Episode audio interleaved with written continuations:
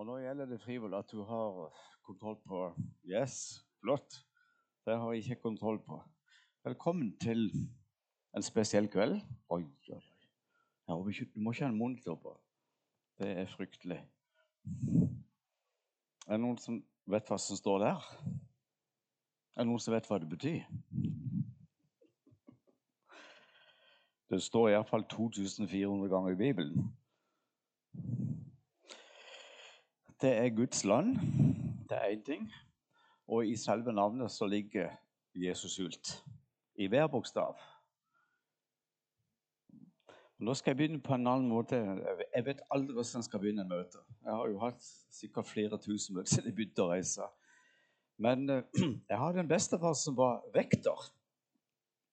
Han henger i bildet i, vinduet der oppe mellom Sparebanken og resten av Kredittbanken. Poenget er det ble sagt om alle vektere.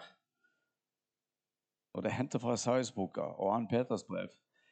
Det du ser, det skal du melde. Nå skal jeg melde noe av det jeg har sett. Jeg har jo jobbet med dette stoffet siden jeg var 19 år og er jo gått ut på dato for lenge siden. Poenget er dette at jeg skal melde litt av det jeg har sett.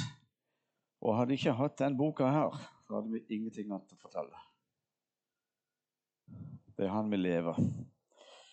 Nå ber vi deg, kjære Jesus, at du legger visdom i mitt sinn, i mine tanker.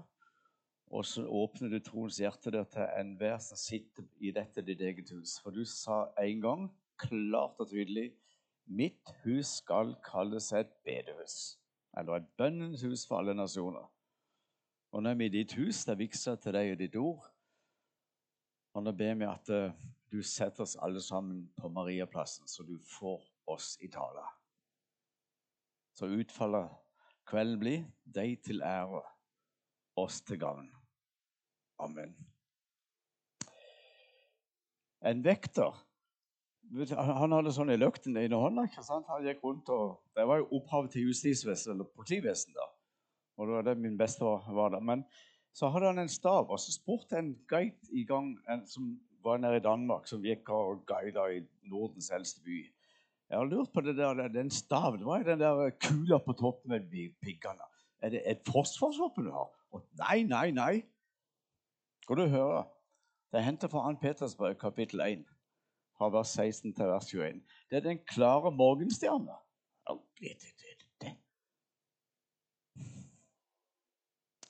Vi skal lyse. Ikke sant? Vi skal, være, vi skal lyse opp for folk, og så skal vi ha en som er den klare morgenstjerne. Og den eneste stjernen du kan se på himmelen etter sola kommer opp. Og Peter sier like lett eh, som du ser en, en stjerne på himmelen. Like lett som du ser stjernelyset en morgenstjerne, like lett skal det være å få øye på det profetiske ord. Og minst, vi lever i dag, og etter jødene fikk landet sitt tilbake, som heter Eretz Israel, så er vi vitne til over 700 lys er tent. 700 skriftprofetier. Og de eldste er 3900 år. Og det er oppfylt etter 14. mai 48. Og Jesus sier, når han svarer disiplene Gi oss noen tegn på tid du kommer igjen. Og alt det Jesus svarer, det har vi. Vi hadde foran oss i dag sett at vi kunne sette 700 telys på podiet her. Og hvert lys representerer en profeti. Da er det mye å gå løs på. Det skjønner dere. Derfor sier Paulus i eh, Romerbrevet 15, vers 4 alt som før er skrevet. Det er skrevet ned for oss, for hvem de siste tider er kommet, for at vi skal ta lærdom. Der finner vi håp, trøst, som Skriften gir. Det samme skriver han når han skriver disse svære etiske hovedbrev. Akkurat det samme. Det er skrevet ned for oss. Alt står der. Ja vel. Da må vi jo eh, gå løs på litt av dette. her. Du får bare noen bruddstykker med i, i, kveld. Men Gud brukte en liten profet, vokste opp rett ut forbi Betlehem. Han drev med samme yrke som David. drev med sau sau og geiter. Han heter Amos. Og Gud sa, 'Gå og vær profet for mitt folk Israel'. Da hadde han ikke noe lyst til, han var så glad i saueflokken. Han satte ord på synd i det politiske landskap og i det religiøse system i Salomos tempel. Og Han jakt hjem gang på gang. Men Gud bruker denne her unge mannen som en domsprofet og har enorme profetier om den tida du og vi lever i. Og så gir han en garanti. Han En gang henter de inn fra alle jordas kanter, skal de aldri mer rykkes opp. Så setter han en garanti. Så lenge sola skinner, månestjernen stjerne lyser, brenningene bruser på sjøstranden og alle andre strender, så lenge havets brenning bruser, så lenge er det kun jødene som har pakt, ed, rett, skjøter av på Eres Israel. Ingen andre har det. Gud la avla ed på det. Tenk på det. Og det bekrefter med juss til barnebarn til Abraham. Jakob.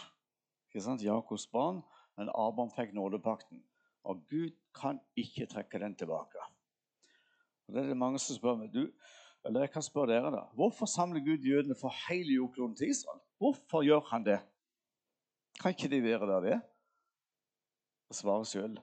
Pga. løftet til Abraham. Og i Abraham-pakten ligger internasjonal gjeldende folkerett. Tenk på det. Det var Fridtjof Nansen med og skrev under. 24.07.1922. Alle var. Skal jødene overleve, må vi gi dem Jødeland tilbake. For hvor har du ordet jøde fra? Eller jehudim? Judea. Ja, Judea, ja. Der ligger vel Jerusalem, der ligger Betlehem, der ligger Hebron, der ligger Jeriko, Betel Masse av disse Akkurat igjen. To måneder etterpå fikk Fridtjof Nansen Nobel fredspris. Han, han så med Guds tanke på det jødiske folk. Det er ikke alle som er klar over det. Han kunne mer enn gå på si. Han hadde masse professorat. Helt uinteressant nå. Men hva sier Amos i kapittel 3, vers 7? Da skal du få et utrolig viktig vers. For når Gud har tenkt ut en plan, en frelseshistorisk plan, fra evighet til evighet, så gjør han den kjent. Han brukte kun jøder. Ingen andre. Det er det Paulus skriver i Romerbrevet 3. Det er deres fortrinn. Gud, altså jødene, ble til narr, eller Guds ord betrodd. Han betrodde ikke å skrive ned ordet sitt til andre enn hans eget folk. Det er deres fortrinn. Men Amos skriver i kapittel 3, vers 7. Skal du høre? Skal prøve, prøve. Det er jo greit å være på Sørlandet. Kan ikke snakke så fort når andre plass i landet. Men hør her. Det starter med en begrunnelse. For Herren Israels Gud gjør ingenting uten at han har åpenbaret sitt lønnlige råd for sine tjenere profetene. Guds lønnlige råd har han gjort kjent bare for profetene. Og de skrev ned. Alle hadde innvendinger. Bare for å ta inn Jeremia sier altfor ung, sa han. Så sier Gud, si ikke du er ung før jeg former deg i mors liv. Ni måneder før. Det var ikke påtenkt. Så, så kjente jeg det. Og før du kom ut av mors skyld, helliget jeg deg. Kados betyr jeg satt deg til side for alle andre. Det er å være hellig. Kados. Øremerket av Gud. Brukte han, eller skal brukes av han. Det er hellig. De synger det her. Hellig, hellig, hellig. Kados, kados, kados, som de sier i Israel. Men vet du hva? Så sier Gud, si ikke du er ung. Tal. tiger. Jeg skal legge mine ord i din munn. Så ble han Israels største statsprofet. Han profeterte til kongehuset og hele tempeltjenesten i Salmos tempel i 23 år. Og det var ikke verken politisk eller åndelig korrekt å høre på han. Han profeterte i detalj at de skulle være 70 år i Babylon. Ikke 69, ikke 71, men 70 år. Det stemte på uka. To svære kapittel skrev om det. Da begynte kongen i Jerusalem å bli redd. Så hev han den ned i en brønn. Så angret han, for han skjønte dette er en mann av Gud. For han fikk detaljprofetier om hvordan det skulle gå med øynene til sønnene hans. Da ble han ordentlig redd. Men de ville ikke lytte på han, så ble det for seint. Men så sier Gud noe veldig spennende i vers 12, kapittel 1. Jeremias 1,12. Herren våker over sitt ord og fullbyrder det i sin tid. Ok. Jeg skal ta litt, Det er ikke akkurat så veldig åndelig, men hvis dere har fulgt med på nyhetene de senere ukene, så er det ikke så gøy å se fra Israel et hav av flagg på gatene. Hva er det for noe? Jeg skal ta en litt annen vending på det. Før han der Fredrik eh, Solvang begynte med debatten, var det en bergenser som hadde det. Hvis dere husker han? Han het eh, Ole Torp. Hvit, hvit hår og hornbriller. Han satt, så, satt sånn face to face. og Han forberedte seg godt. Så tenkte han jeg skal invitere lederen for det mosaiske trossamfunnet i Oslo. Altså det jødiske samfunnet. Så tenkte jeg, Han skal jeg sette på plass. Trodde han. Så spurte han rett ut. Og det er liksom bakenfor det du har sett på disse demonstrasjonene. Er det noe dere jøder kan være enig i? Tenkte det kan ikke være mye. Ja, det er to ting, sa han. Han heter Kohn, leder for Det mosaiske trossamfunn. Ja, det første er omskjærelsen. Om du er en sekulær jøde, om du er en ortodoks, en ultraortodoks Uansett, omskjærelsen binder oss sammen som folk. For det er paktsted mellom Gud og Abraham. Og det står i Dommerens bok kapittel 1. Gud angrer aldri på det. De kommer ikke utenom det. Det binder oss som folk. Ja, hva er det andre dere er enige om? Jo, vi er enige om en ting til. Vi kommer aldri til å bli enige. Og det er jo sant. Det er litt av bakgrunnen for det jeg skal si nå. Så skal vi snart forlate det. Det er ikke noe kjekt å fortelle, men altså, det er bare en realitet for mennesker akkurat som oss. Og så skal jeg legge det inn i Guds ord. For det står faktisk at jødene har vært der før. Det var på Mika og Esaias tid. Da var de enormt uenige. De krigte mot hverandre. Nå legger vi ikke uh, så mye tid på det, for det er det ikke tid til. Men før Jesus hadde sagt det skal komme en tid de skal kringsette Jerusalem, og det skal bli forferdelige tilstander. Så krigte de først mot hverandre i, i tre år. Og så snudde de seg, og så begynte de krigen mot romere. Og da ble romerne redda. For romerne opplevde at jødene intellektuelt overlegde alle andre folk. Og det er de. De har aldri vært analfabeter. Jødiske barn i treårsalderen kan det hebraiske alfabetet utenat opp og ned. Tre år. Det er fra Mosebøk. ikke sant? Du skal lære dine barn når du står opp, når du går på vei, når de legger seg. Altså, De innprenter Guds ord. Og alle verdensrike kan være livredd for jøder. Vi tar ikke den historien, men alle sammen livredd for jøder. Den som var mest redd, var Hitler. Han utdanna de 30 største nazilederne. De kunne bibelhebraisk utenat. Flytende hebraisk. Jøder kan ikke være mennesker. Det må være noe med Det var det svaret Ole Torp fikk. Det må være noe med omseelsen. De er mennesker som oss, men det er et paktsted mellom Gud og dette folket. Hvorfor klarer de å overleve alt? Ikke sant? Egyptere, asyrere, babylonere, persere, grekere, romere, bysantiner You name it, altså. Uten land. Uten rettsbeskyttelse. Ok? Hva var det Amos sa? Har Gud tenkt ut en plan, så gjør han det kjent på forhånd. Men jeg skal bare ta bakgrunn for den saken du sikkert har så Hvis du så nyheter i går kveld, folkehav folk demonstrerer. Hva er det de holder på med? I navnet står det om en rettsreform. I praksis står det om Israels gjeld. De svære gatedemonstrasjonsbakgrunn er det store hele i, i, i grove trekk to hovedfløy som står mot hverandre. Det er de venstreliberale, de sekulære jøder som ikke regner med Bibelen. altså de, de regner ikke med Gud i det praktiske livet.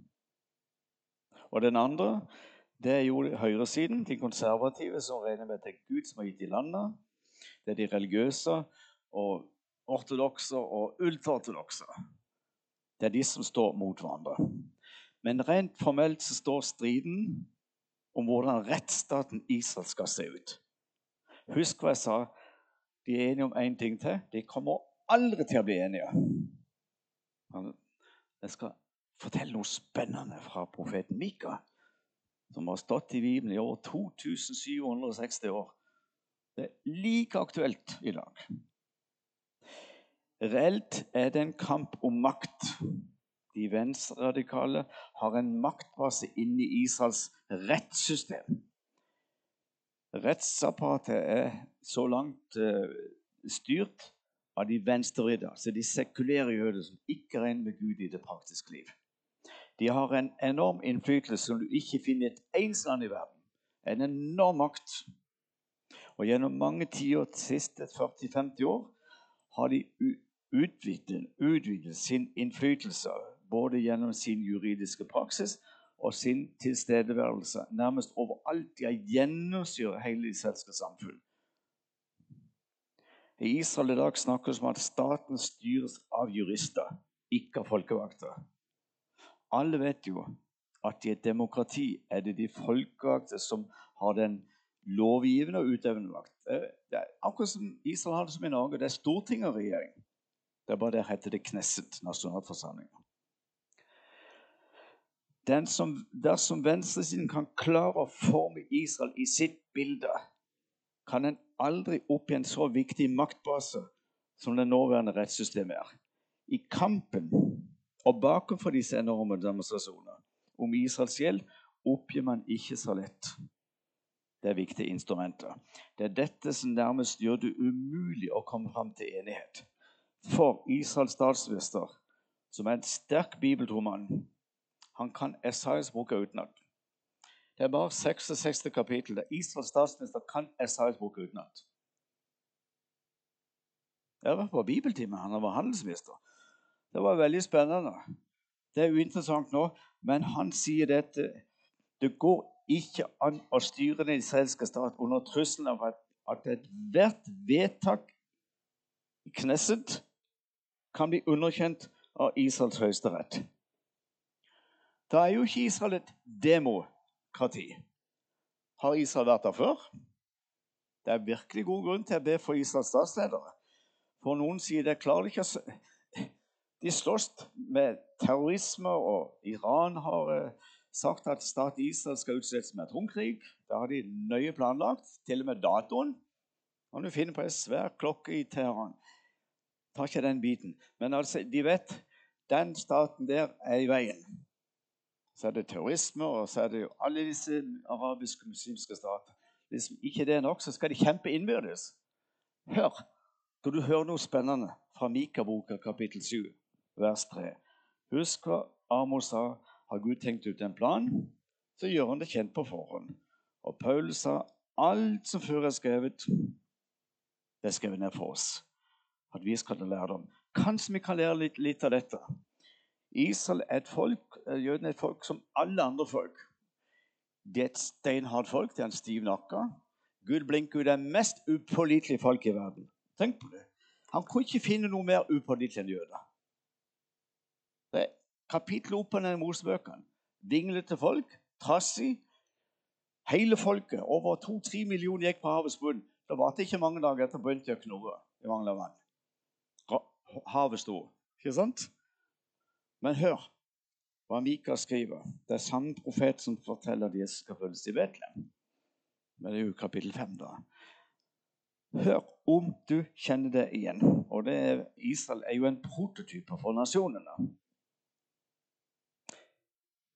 Med begge hender arbeider de på å få det onde til å synes godt. Fyrsten krever, og dommeren Da har du Høyesterett. Der sitter dommerne, de venstreradikale, som ikke regner med Gud. Og dommeren er villig mot betaling. Og stormannen sier hva som han ønsker, og således vri de retten. Så blir det altså uretten som sitter foran. De som demonstrerer i dag, de vil ha sin rett. De vil ikke ha Guds styring av landet. Det må bli clash. Men takk, jødene sier har det ikke vært at Israels gud overstyres, hadde vi styrt det utfor lengst. Har ikke vært en jøde igjen. Hvis det er noe Israel trenger, og det norske folk og alle andre, så trenger de at Gud sender Jesus tilbake. Nå skal jeg lese noe spennende for dere. Det har med juleevangeliet å gjøre. Esaias kapittel 9, vers 6 og 7 8. Skal du høre? Hvis det er noe hele verden trenger Nå er det konflikt i Sudan, og Russland og Ukraina kjenner vi utenat. Det er konflikt. Det, det eneste som er sikkert i dag alt er usikkert. Alt er usikkert. Men heldigvis har vi Guds ord. Skal du høre hva Esaias skriver? Kapittel 9. Det er jo den store teologen i Jerusalem, ikke sant? Esaias. Hva skriver han her? Du kjenner igjen, for da tenker du på jul. Men det er en profeti som er skrevet i presens 750 år før Jesus ble født i Betlehem. Tenk på det. Da er du profet. For et barn er oss født, en sønn er oss gitt, og så kommer profetien om mye av det Jesus skal bære. Særpregene. Og herredømmet er på hans skulder. Og han kalles under rådgiver. Det er det Israel trenger i dag en rådgiver. Veldig Gud, evig Fader, fredsfyrste. Så skal herredømmet bli stort, og freden bli uten ende over Davids trone, over hans kongerike. Det skal bli støttet og oppholdt ved rett, altså ved juss og rettferdighet, fra nå av og inn til levetid. Herrens, herskans, Guds nitierhet skal gjøre dette. Og alt er knytta opp til Jesus. Hvis det er noe hele menneskeheten trenger, det er at Gud setter alle ting i rett skikk. Disiplene spurte Jesus på himmelfartsdag. ikke sant? Det skal vi snart feire. Kristi himmelfartsdag. De ville bare være helt sikre på at de ikke hadde misforstått noen ting. Så spør de han rett ut, og det finner du i Apostelen 1 for vers 6 og noen få vers nær. De spør rett ut for å være helt sikre. De vet hvorfor han kom. Det har skjedd. Golgata-verket er historie. Ikke historie, men da har det skjedd. Og så har han sagt at han skal forlate dem. Så spør de han. Hør hva de spør om. Herre, gjenreiser du på den tid? Altså underforstått. Du har sagt at du skal komme tilbake til denne byen, på samme fjell på Oljeberga. Ja, det er rett opp forbi Getsemane. Er det da du gjenreiser riket fra Israel? Hvis disiplene hadde misforstått Jesus, da hadde han korrigert dem. Det gjør han ikke. Men han sier det, ikke, det tilkommer ikke dere å vite tider og timer som min far har fastsatt. Nå skal dere holde ro inntil dere får kraft for det høye. Det heter Shabbat. Pinse heter det på godt norsk. Da skal det begynne i Jerusalem, utover Judea, utover Samaria og helt til jordens ende. Og takk og lov at det kom til Mandal. Takk og lov at det kom til Norge. Så har Gud fastsatt tiden, og vi er bedt om å akte på tegnene. Det har aldri vært flere ting å se på. Og Hvis du leser Jeremias 31 vers, eller 32 vers 41, så sier når jeg begynner å hente det inn fra alle jordens kanter, så legger jeg hele hjertet mitt inn bak og hele min sjel. Og så vil han at nasjonen skal være med og hente det hjem. Han unner oss å ta del i dette. her. Han sier Sajas, jeg henvender meg til folkeslagene. Bring mitt folk hjem. Bær de på skulderen. Til og med får de luftveien, står der i kapittel 6. De, sa, de skal komme i hast i luftveien. Når jeg er ferdig sånn en gang i kveld, så skal dere få lov å være med og gjøre akkurat det Jesus har bedt oss. Han henvender seg til oss. Han kommer så langt. Han henter det inn. Og han legger hele hjertet, hele sjelen bak. Det er ikke noe halvhjerte. Det er derfor djevelen setter hele avgrunnen i spenn mot denne staten. Om ikke det er ytre fiender, så kjemper de innbyrdes. Helt normalt. Sto her og sto her. og leste i Mika? Jødene er mennesker som alle andre. og Det er bare Gud har en frelseshistorisk plan med dem. Hvorfor i all verden skal de til Israel? Der skal han ha et avgjørende møte med dem. Og når han kommer, så oppfylles dette her. Da skal han styre verden med rettferd. Det er svære ting. Men så gir han dem et løfte. Og det fikk Moses i løpet av disse 40 år de flakk omkring i ørkenen. Så skriver han i 5. Mosebok 8.: De var så lei av ma. Hva er det for noe? Ma. Ma. Na. Manna. Det er mat. De, du, de hadde samme diett i 40 år, kan du tenke deg. Så hadde de samme såle i 40 år. Tøyet ble ikke slitt, skoene ble ikke utslitt. Gud ga dem manna til alle måltider. Så sier han det er et godt land å gi dere. Det er jo 20 ganger mindre enn Norge. Det mangler ingenting. De har alle klimasoner. De har det beste klimaet i universet. De har subtropisk klima. Det er derfor de kan høste tolv ganger i året pga. det er åtte-ti ganger mer oksygen enn det vi puster inn her. Tenk på det. Det er en annen sak. Men så sier han alt det gode jeg har lovt dere, skal komme over dere. Og nå skal jeg fortelle dere noe som jeg, kom, jeg har masse gode venner og kontakter overalt. Jeg har jo fått haug med venner og kontakter all over. Så var det en som driver en, en, en bedrift. Han har jo et hav av folk på.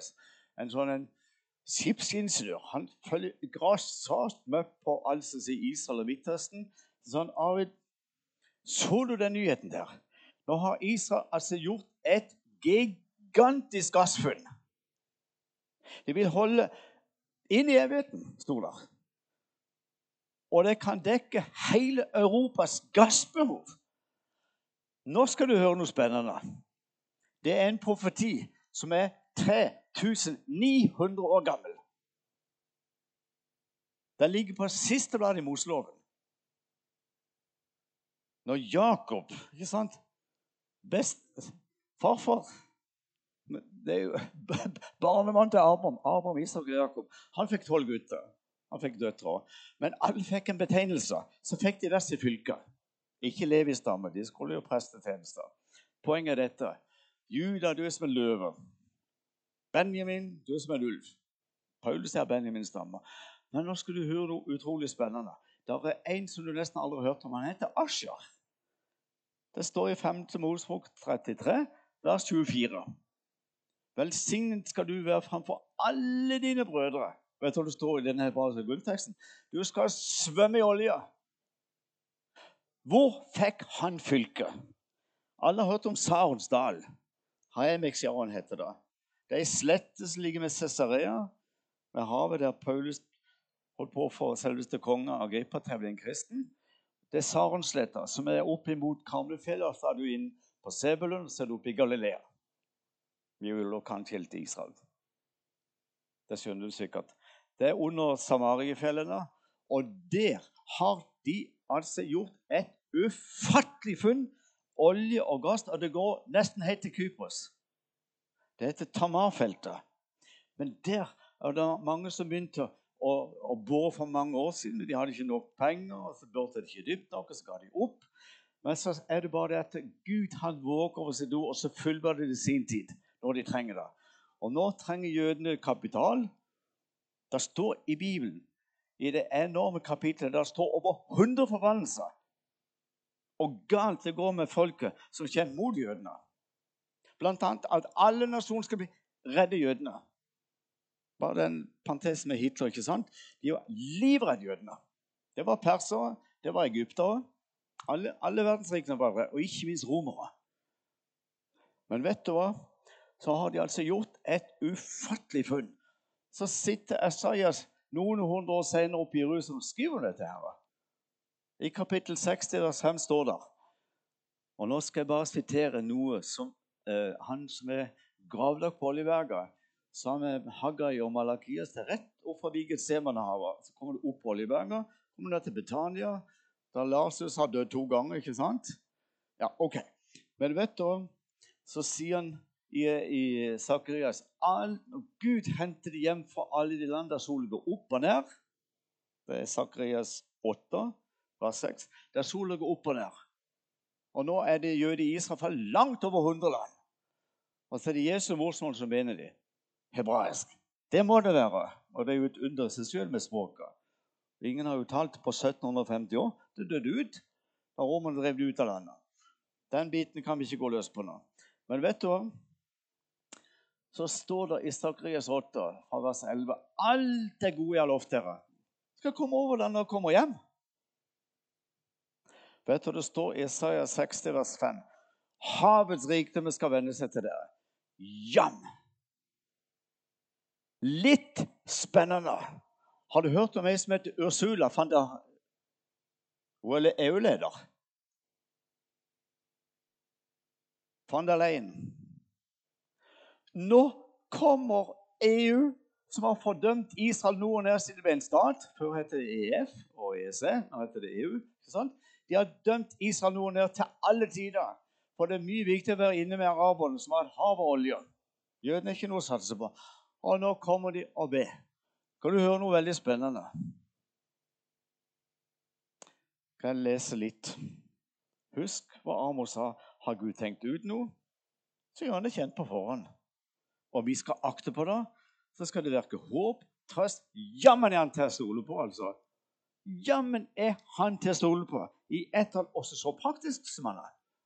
Akkurat som Jesus sa, epi ep et etnos.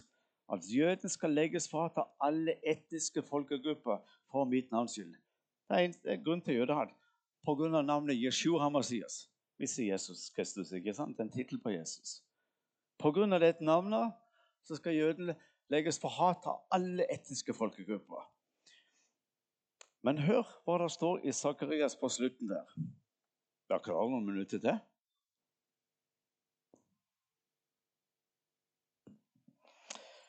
Sakarias er den profeten som taler mest om Jesu gjenkomst og Jerusalem av alle profeter. Han er enormt aktuell. Det er han vi leser hver palmesøndag, for det oppfyller Sakarias 9. Han skal komme ridende inn på Asnins unge fola, full av frelse. Det var da det kom palmegreiner og klær på veien, husker du. Nå er det ikke palmesøndagen vi snakker om. Nå skal jeg lese de tre siste vers og så skal vi etter hvert gå inn for landing.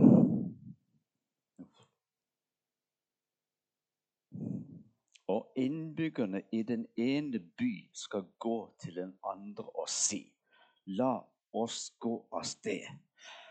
Hør, bakgrunnen for hele dette kapitlet er at Gud har sendt Jesus tilbake. Det lovte han. Det lovte han da han lærte sine disipler Fader. Er Fader vår er en 100 jødisk bønn. Du var rett i nærheten når du leste fra Matteus 6. Det er Jesu verkbrekken. Men Jesus på en genuin måte trekker hele essensen ut av Toraen. Det er de fem Mosebøkene. Så lærer han jødene på typisk jødisk vis med det guddommelige. Syvtallet, ikke sant? Fader vår, du som er i himmelen. Helliget våre ditt navn. Kom med ditt rike. Hvilket rike? Det var det siste de spurte Jesus om, disiplene. Er det da du gjenreiser riket? For Israel. ja. Kom med ditt rike. La din vilje skje på jorda, som det sier i himmelen. Hør. Det ville være meningsløst av Jesus å lære sine disipler å be en bønn som aldri skulle oppfylles.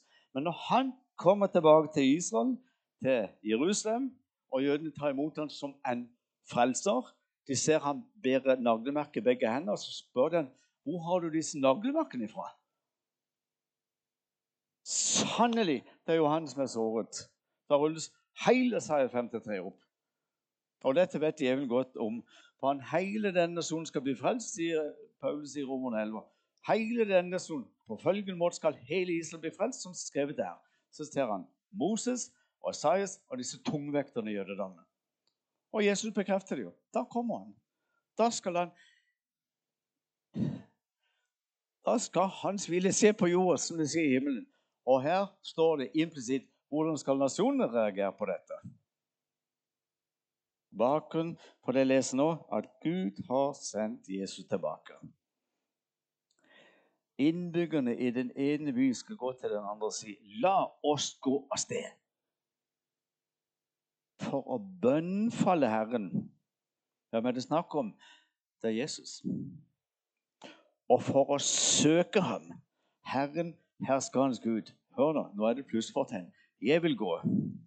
Jeg også. Jeg òg. Skjønner du? Det er ikke telemark. Jeg òg. Hør. Og mange folkeslag og tallrike hedningfolk skal komme for å søke Herren, herskerens Gud i Jerusalem, og for å bønnfalle ham. Hva gjorde hun der Ursula von der Leyen, leder for EU? og bønnfall i Israel. Du vet at Vi har boikottet russisk gass, og Norge har ikke nok. Kan vi kjøpe gass av dere? Det er utrolig, altså. Kan vi få kjøpe gass av dere? Og Israel har et ufattelig hav av gass og olje. Akkurat der også fikk fylket. Akkurat der. Er det spennende? Gud følger godt med. Han våker over sitt ord. Og så fullbyrder det. Han oppfyller sin tid. Og vi skal se det. Skal det virke håp, virke trøst, inspirasjon og glede og pågangsmot. Da, er det bare plussfortegn. Men de skal komme for, Og nå fikk vi den der, det er jo bare noen få dager siden. Hun trygger Israel og selger gass. Vi som er fordømte og kritiserte i Sikkerhetsrådet i, i hovedforsamlinga siden det ble en stat. Da står det alle nasjonene. De skal komme krypende og be om tilgivelse. Hva har vi gjort? Hva har vi gjort?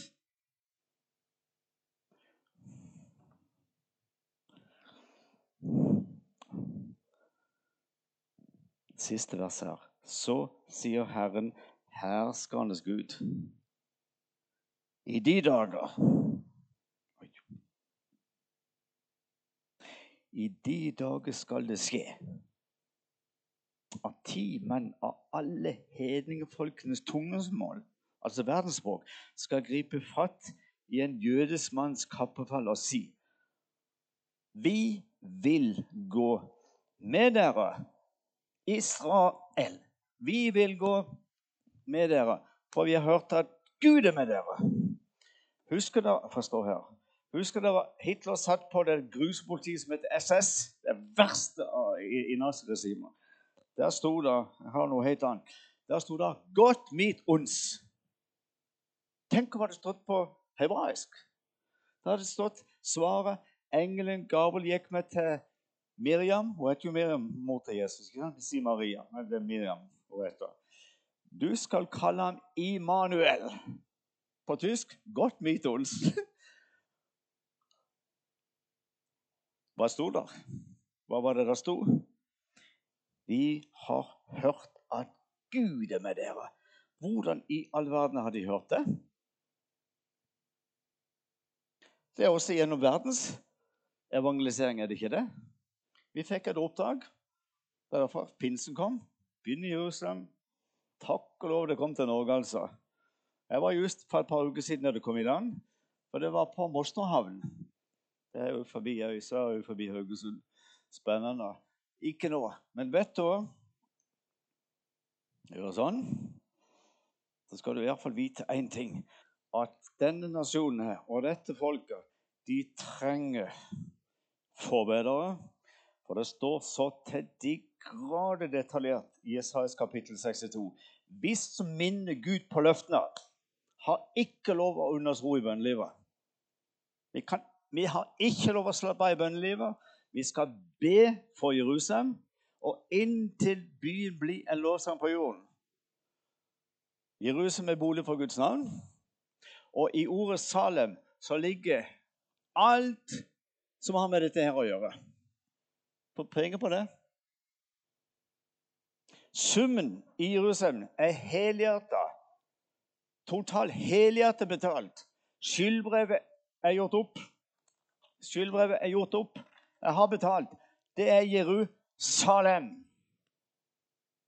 Har vi grunn til å be for jødene? Da David sier i 2. krøniker, det gjør nå, men i 2. Samuels kapittel 7 vi kjenner nasjonene, og jødene kjenner kun Guds navn gjennom hans åpenbaring. Da blir det Israel. Hva betyr Israel? Gå hjem og gull, se hva det betyr. Det er nevnt over 2400 ganger i Bibelen. Og Guds navn på, Israel, på hebraisk er nevnt mer enn 7000 ganger. Han er Israels gud. 7000 ganger! Og så er vi faktisk kalt til å være med og hjelpe dem. Og når de kommer så langt som de kommer nå, og har det så vondt, så sier Jeremias kapittel 16, kapittel 23, masse steder at jødene skal ut av land ett i nord. Og Hvis du ser, tenker deg en globus Da kommer bakenfor kollekthallen. Han skal snart vise det opp her. Just a moment. Vet du hva? Det står Hvis du tenker deg Jerusalem, så går du på en globus på sånn Diana. Går du rett gjennom Moskva. Der står 'land etter nord'. Og vet du hva det heter? Rosh. Det har vi alle sammen her. Det betyr hode. Og hvis du tenker geografisk himmelretning lengst mot nord Russerne røpte seg eh, i 1919. De røpte seg at de er det landet som Bibelen taler om. På frimerker. Etter Lenins revolusjon. Før Stalin kom. De røpte seg. Vi er det landet Gud taler om. Rosh. Og vi er i en enorm tjeneste. Det er ikke bare meg og Ingunn som er, men vi driver jo sammen med mange andre. Og når de kommer ut av Ukraina, så er det helt forferdelig. For hvis du er en ukrainsk jøde, kommer du ikke ut av Ukraina hvis du er mellom 60 og 65 år. Da er du knytta opp til den ukrainske hær. Så det er sterke scener. Men Bibelen sier 'bring de folk hjem'. Trøst dem, oppmuntre dem, tal vennlig til om dem. Og det sier Paulus. Det er det siste jeg sier nå. Er det greit? Strekk. Romerne 15, vers 28. Vi som har fått del i det jødiske folks åndelige velsignelser, de er evangeliet. Golgata-verket. Det glade budskap. Vi er skyldige å hjelpe jødene på det materielle plan. Vi er skyldige. Er vi skyldige noen, har vi det ikke før vi har gjort opp. Er du klar, unge Frivold? Hvis du slukker lyset salene, så blir bildene skarpere. Og etterpå skal du få lov å være med oss i denne veldig spennende tjenesten. Det går jo på engelsk, men dere er oppegående.